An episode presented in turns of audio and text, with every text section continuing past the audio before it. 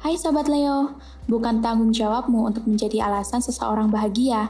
Aku nggak bisa bilang untuk berhenti menolong seorang teman, tapi jika temanmu datang hanya ketika membutuhkan bantuanmu saja, hmm, hati-hati, mungkin kamu sedang dimanfaatkan olehnya.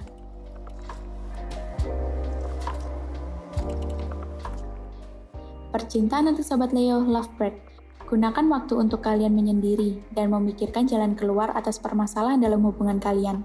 Hati-hati, jangan sampai menyesal dengan keputusanmu sendiri.